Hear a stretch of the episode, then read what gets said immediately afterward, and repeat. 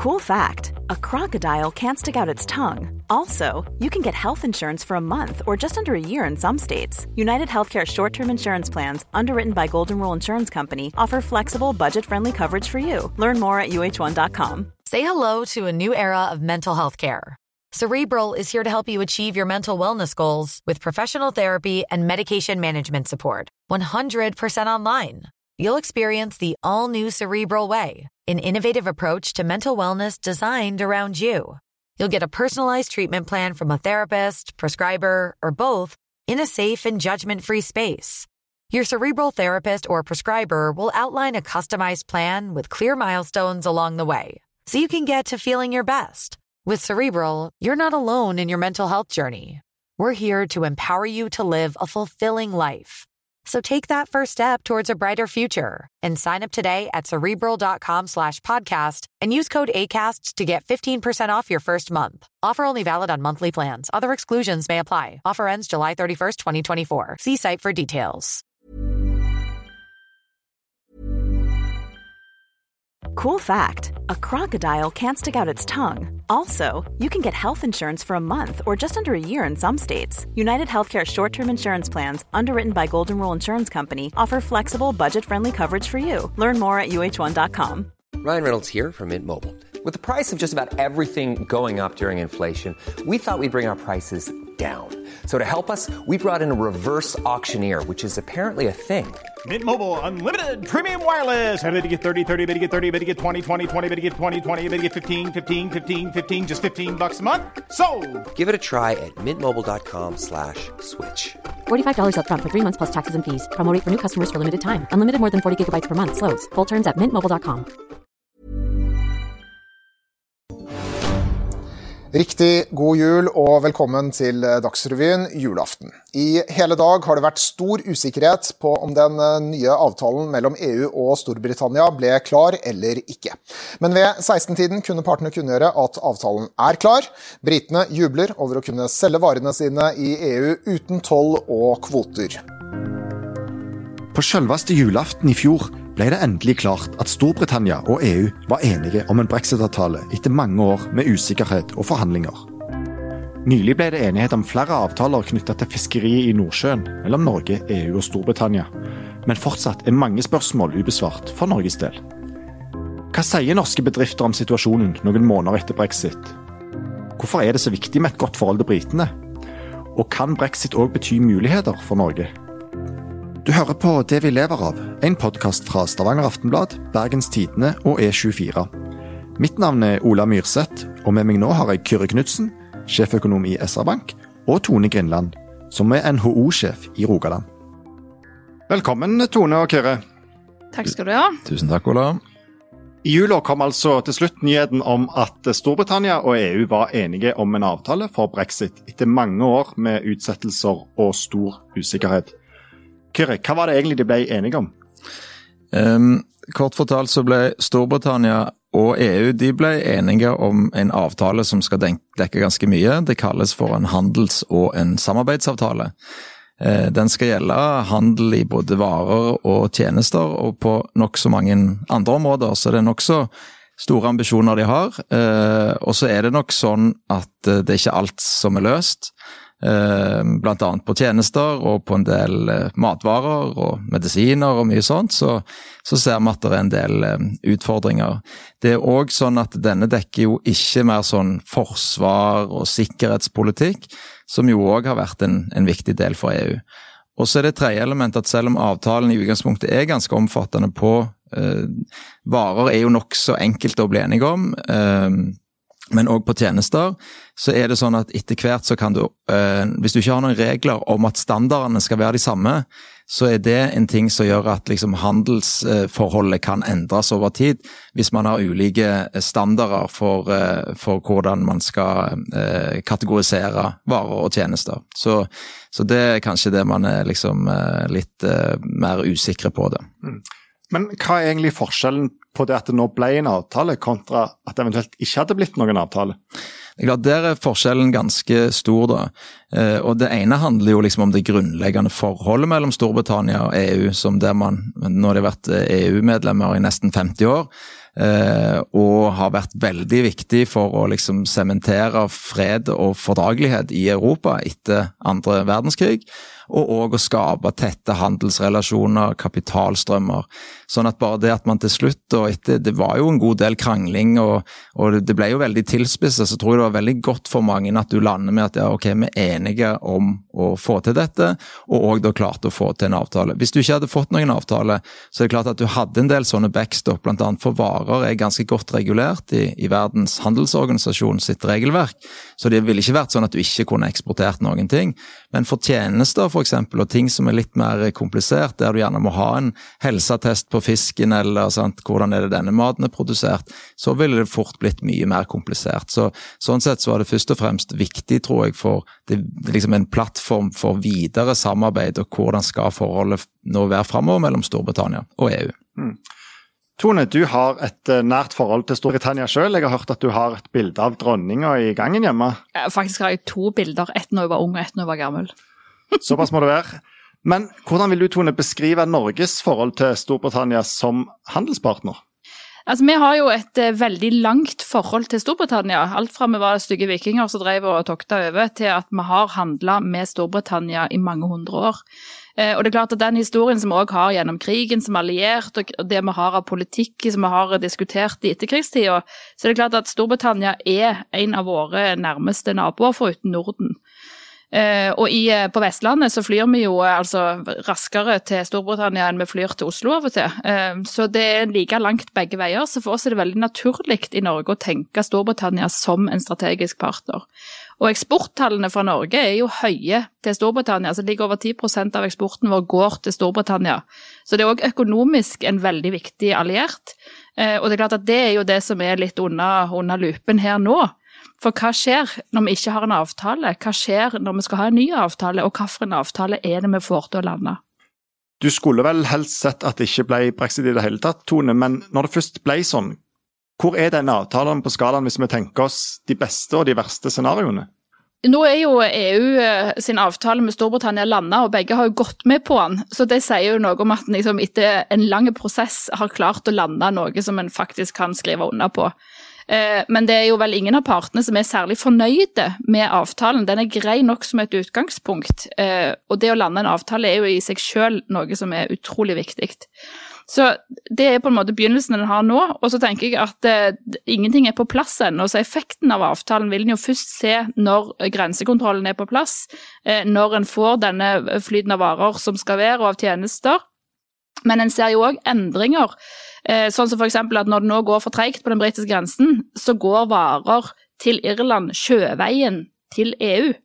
Eh, så det er sånne type endringer på plass som gjør at en ikke vet helt hva slags effekter den avtalen får.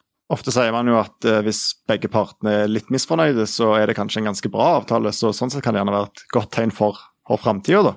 Ja, det var vel det med det halvfulle eller halvtomme begeret. Og nå har det gått et par måneder siden avtalen mellom EU og Storbritannia ble klar. Hva sier norske bedrifter i dag? Eh, altså Brexit har jo ligget litt sånn og vaka fordi at en har hatt mer enn nok med å håndtere koronasituasjonen, og det tenker jeg vi må ha stor forståelse for. Samtidig er det sånn at eh, i NHO er vi bekymra for spesielt de små og mellomstore bedriftene som ikke har et apparat og nødvendigvis sette seg raskt inn i de nye reglene som gjelder, og hva som må avklares internt i bedrift. Eh, så vi har jobba mye med sånne sjekklister på leverandørkjeder. Altså du, du, får gjerne levert noe fra Frankrike, men så kan det jo hende at de får det levert igjen fra Storbritannia. Og hva skjer da med det du skal produsere og levere? Så det å ha kontroll på det du sjøl har av avtaler med andre på det du produserer, det har vært kjempeviktig for oss å jobbe med bedriftene på.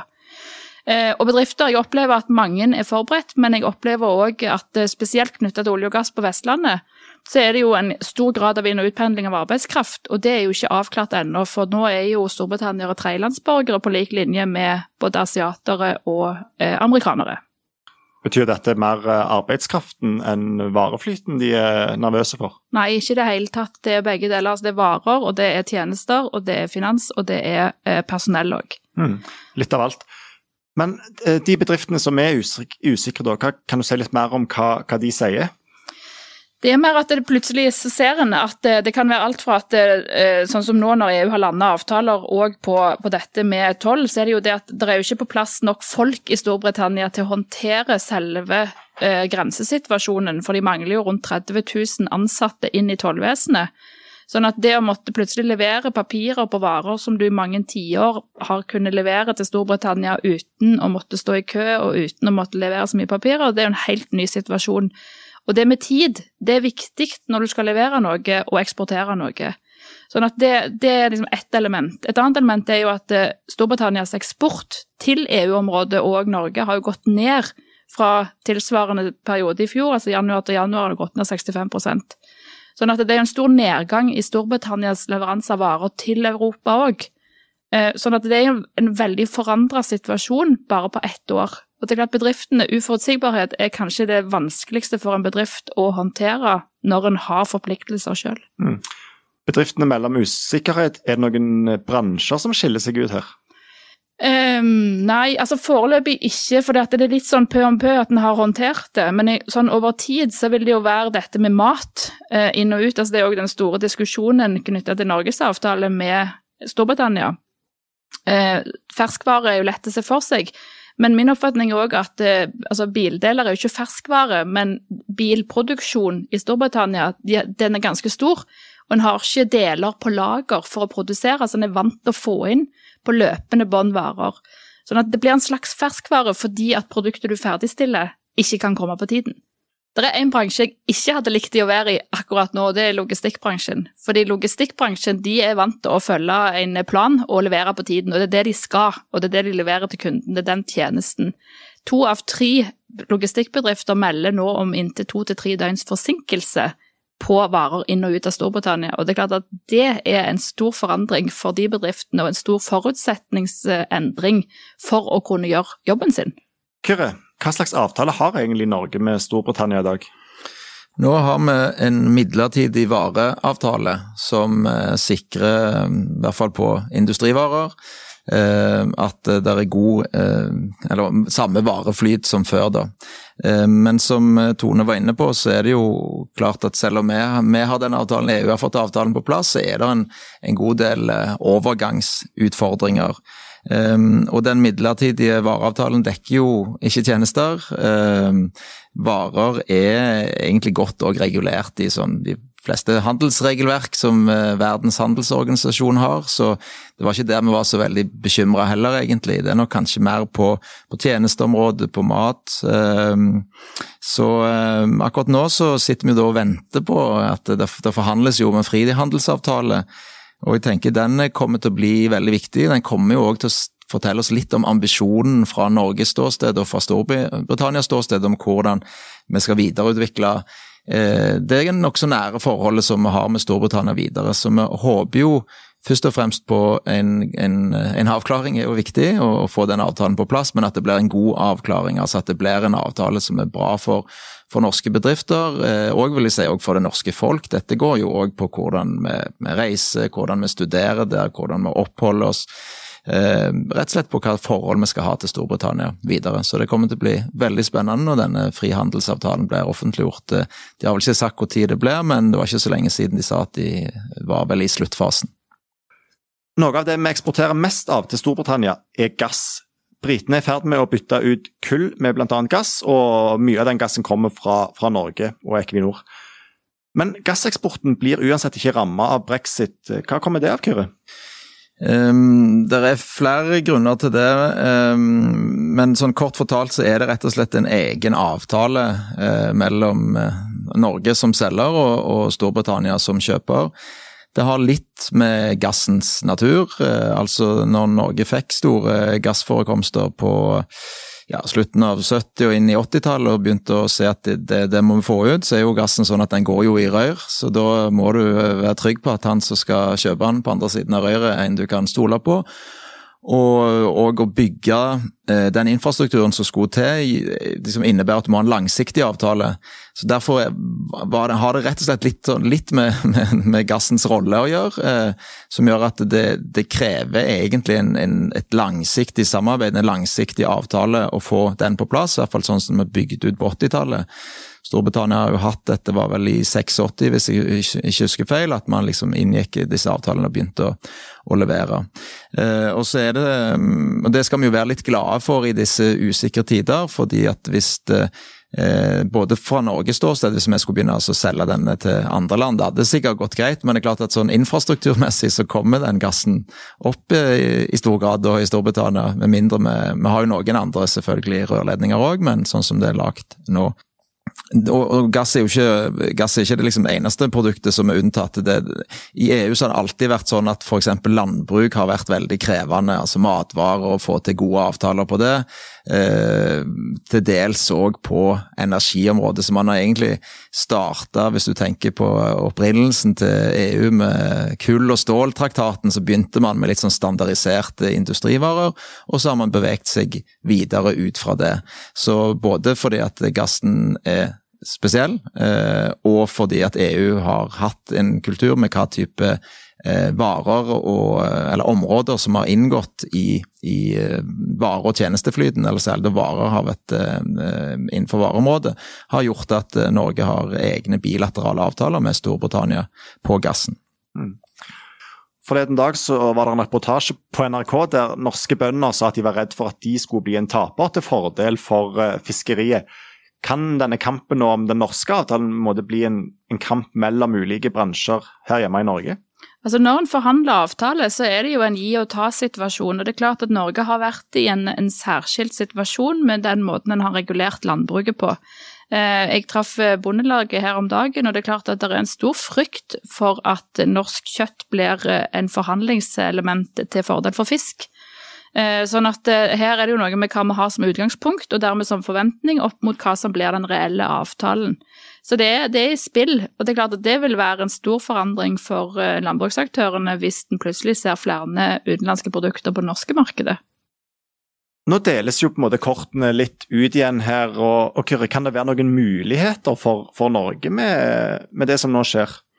Um, ja, jeg håper jo det. Altså at det ikke bare er nedside med dette som eh, vi har vært inne på, så er det jo Vi har jo veldig nære relasjoner til Storbritannia. De har vært uh, viktige for oss. og vi er jo mye mindre enn de, men siden vi har hatt mye energi, gass spesielt, olje, laks Vi har òg mange fotballfans i landet, mye turister som drar over.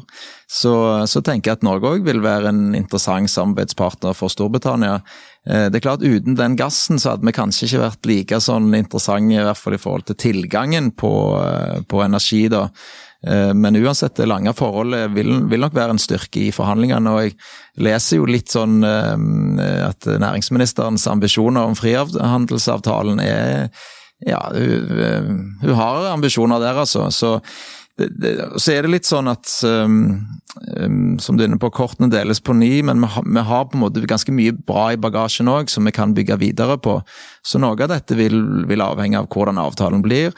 Det andre er jo litt sånn hva underliggende intensjoner, hva ønsker vi sammen for landet? Og hvis vi har ønsker om å få det til, avtalen blir ok pluss, så har vi jo et godt utgangspunkt for å komme oss videre fra dette. Det har jo vært et trøblete tema, som Tone sa. så klart Usikkerhet for bedriftene. Hvordan skal du planlegge med, hvordan skal du investere? Må du da på en måte opprette en fabrikk eller kontor eller egne selskaper i Storbritannia?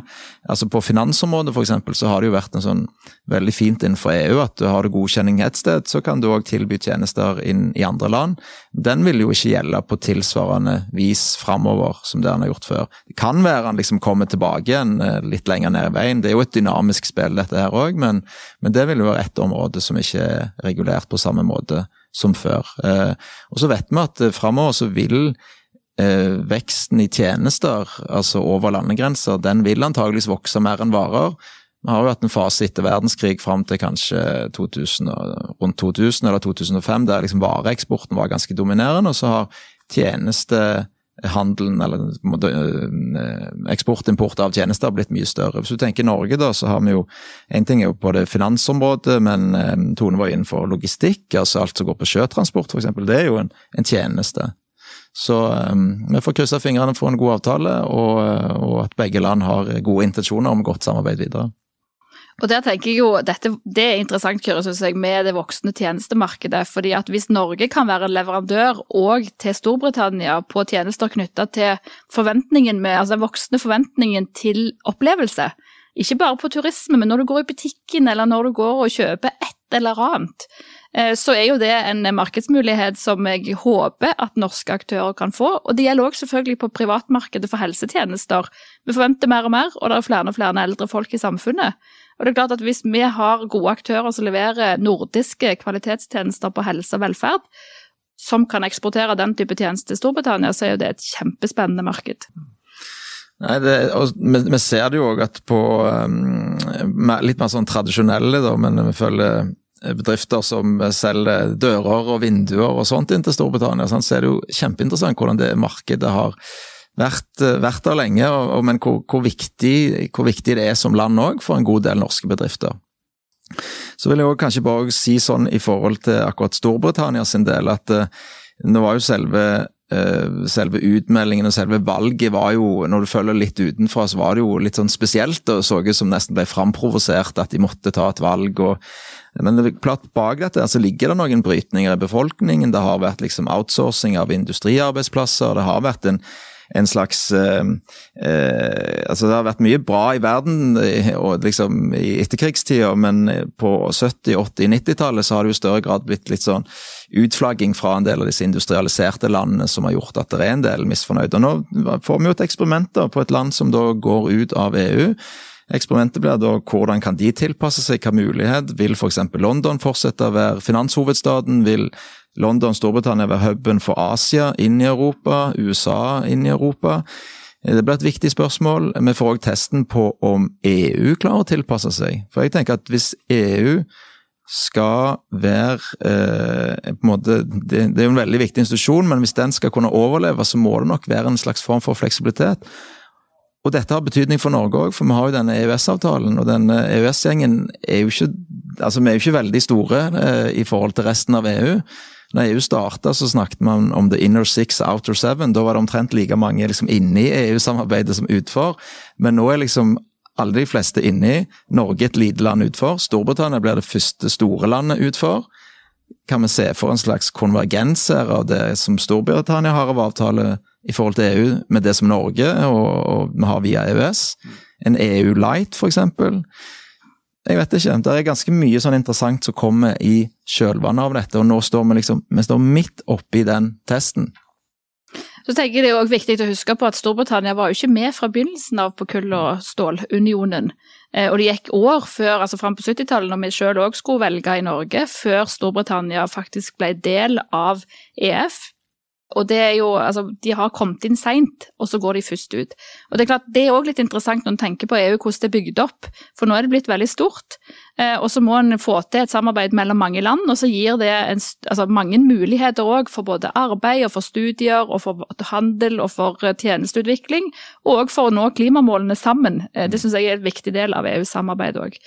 Men så har en denne fremmedgjøringen mot ulike former å, å samarbeide på som jeg ser som pendelsving, altså for og mot FN, for og mot EU, for og mot eh, store stater, for og mot konføderasjoner. Altså en rekke sånne som, som eh, Jeg tror det er viktig det der med fremmedgjøring og inkludering, altså med at folk skal kjenne at det som styrer landet, er det som er viktig for en. Eh, og jeg tenker at den der aldersdelingen i stemmegivningen i Storbritannia, den er jo veldig interessant, med at det var de med altså 60 pluss som stemte for at de ville ut, Kanskje pga. erfaring, men kanskje pga. jeg vet ikke hva. Eh, mens de unge, de ville bli. Og så var det veldig få av de unge som stemte. Og det er klart at det med deltakelse er jo en demokratisk forutsetning, òg mm. i valg. Sånn at når en får den type beslutning basert på den skjevdelingen, så er det jo interessant eh, utgangspunkt for om det var et godt valg eller ei.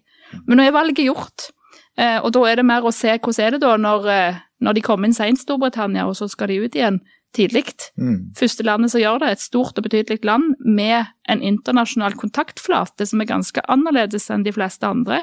Dette her Commonwealth finnes jo ennå. Eh, faktisk, eh, og det, vi hører ikke så ofte om det, men det er jo klart at eh, med dronningen som institusjon, så har du jo òg et, et, annet type eh, globalt perspektiv i Storbritannia enn det veldig mange andre europeiske land har. Mm. Altså, jeg bare tenker sånn, når, nå, når, brexit blir gjennomført midt oppi en koronakrise, så er det, det er ganske mye som skjer samtidig, så det er ikke så lett heller å skille de ulike effektene fra hverandre. Um, og Det blir interessant òg det etterspillet i forhold til at Storbritannia nå uh, gikk tidligere på vaksine og, og har fått tilgang til mye mer vaksiner. Om det liksom på et vis kan uh, gi en indikasjon på at de hadde noe mer kontroll med det, fordi at de var på vei ut, at de var liksom, lettere for de å gjøre en bedre avtale. Jeg vet ikke, men det er klart at den, uh, den der fasen vi er i nå, er det vanskelig å skille liksom, koronaeffekter fra brexit-effekter. Og, og, Storbritannia har vært veldig hardt ramma av uh, korona.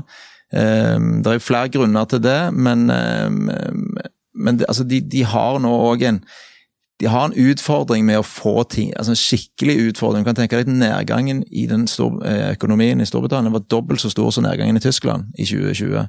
Sånn at de har en vanvittig utfordring om å få ting på gang. Det kan òg gjøre at de, når de, når de får hodet litt over vannet, liksom tenker at ok, nå må vi òg være ganske pragmatiske for å sørge for at vi skaper så mye aktivitet som mulig, får folk tilbake igjen i jobb og får systemene til å fungere. Hvor lang tid vil det gå før vi kan si noe fornuftig egentlig om hva brexit førte til, og, og hvordan utfallet ble for alle parter? Det er jo et eh, spennende tankeeksperiment. Eh, det tar jo alltid tid med sånne store forandringer før en ser hvordan det er. Altså jeg tenker at En må jo finne veien ut fra det en har av avtaler og rammeverk. Eh, og jeg vil jo tro at på eksport så vil de jo lande i løpet av noen år, men det tar jo en tid før en ser hvilke selskaper eh, skal levere hvilke tjenester. Skal det være sjøvei, eller skal det fungere det på grensen? Får en effektiv måte å håndtere inn og ut av gods og varer, eh, eller hvordan gjør en dette? Så jeg tenker sånn, det, det blir ut av korona og inn i brexit og inn i normalitet. Det er sånn i løpet av noen år nå. Noen er gjerne allerede lei av brexit-snakk etter alt som har skjedd siden 2016, men det er vel en viss fare for at det blir noen år til hvor dette blir et veldig stort tema. Men jeg tror vi er ferdige for i dag, iallfall. Så jeg vil bare si takk til deg, Kyr, og takk til deg, Tone, for at dere var med. Tusen takk, Ola. Takk, takk. Vi kommer snart tilbake med en ny episode av Det vi lever av, der vi skal snakke mer om norsk næringsliv. I mellomtida tar vi gjerne imot innspill til temaer vi kan snakke om i podkasten. De kan du sende til ola.myrseth.aftenbladet.no. Produsent for podkasten er Henrik Svanevik. Jeg heter Ola Myrseth, og i denne episoden har du hørt lydklipp fra NRK. Kjekt at du hører på.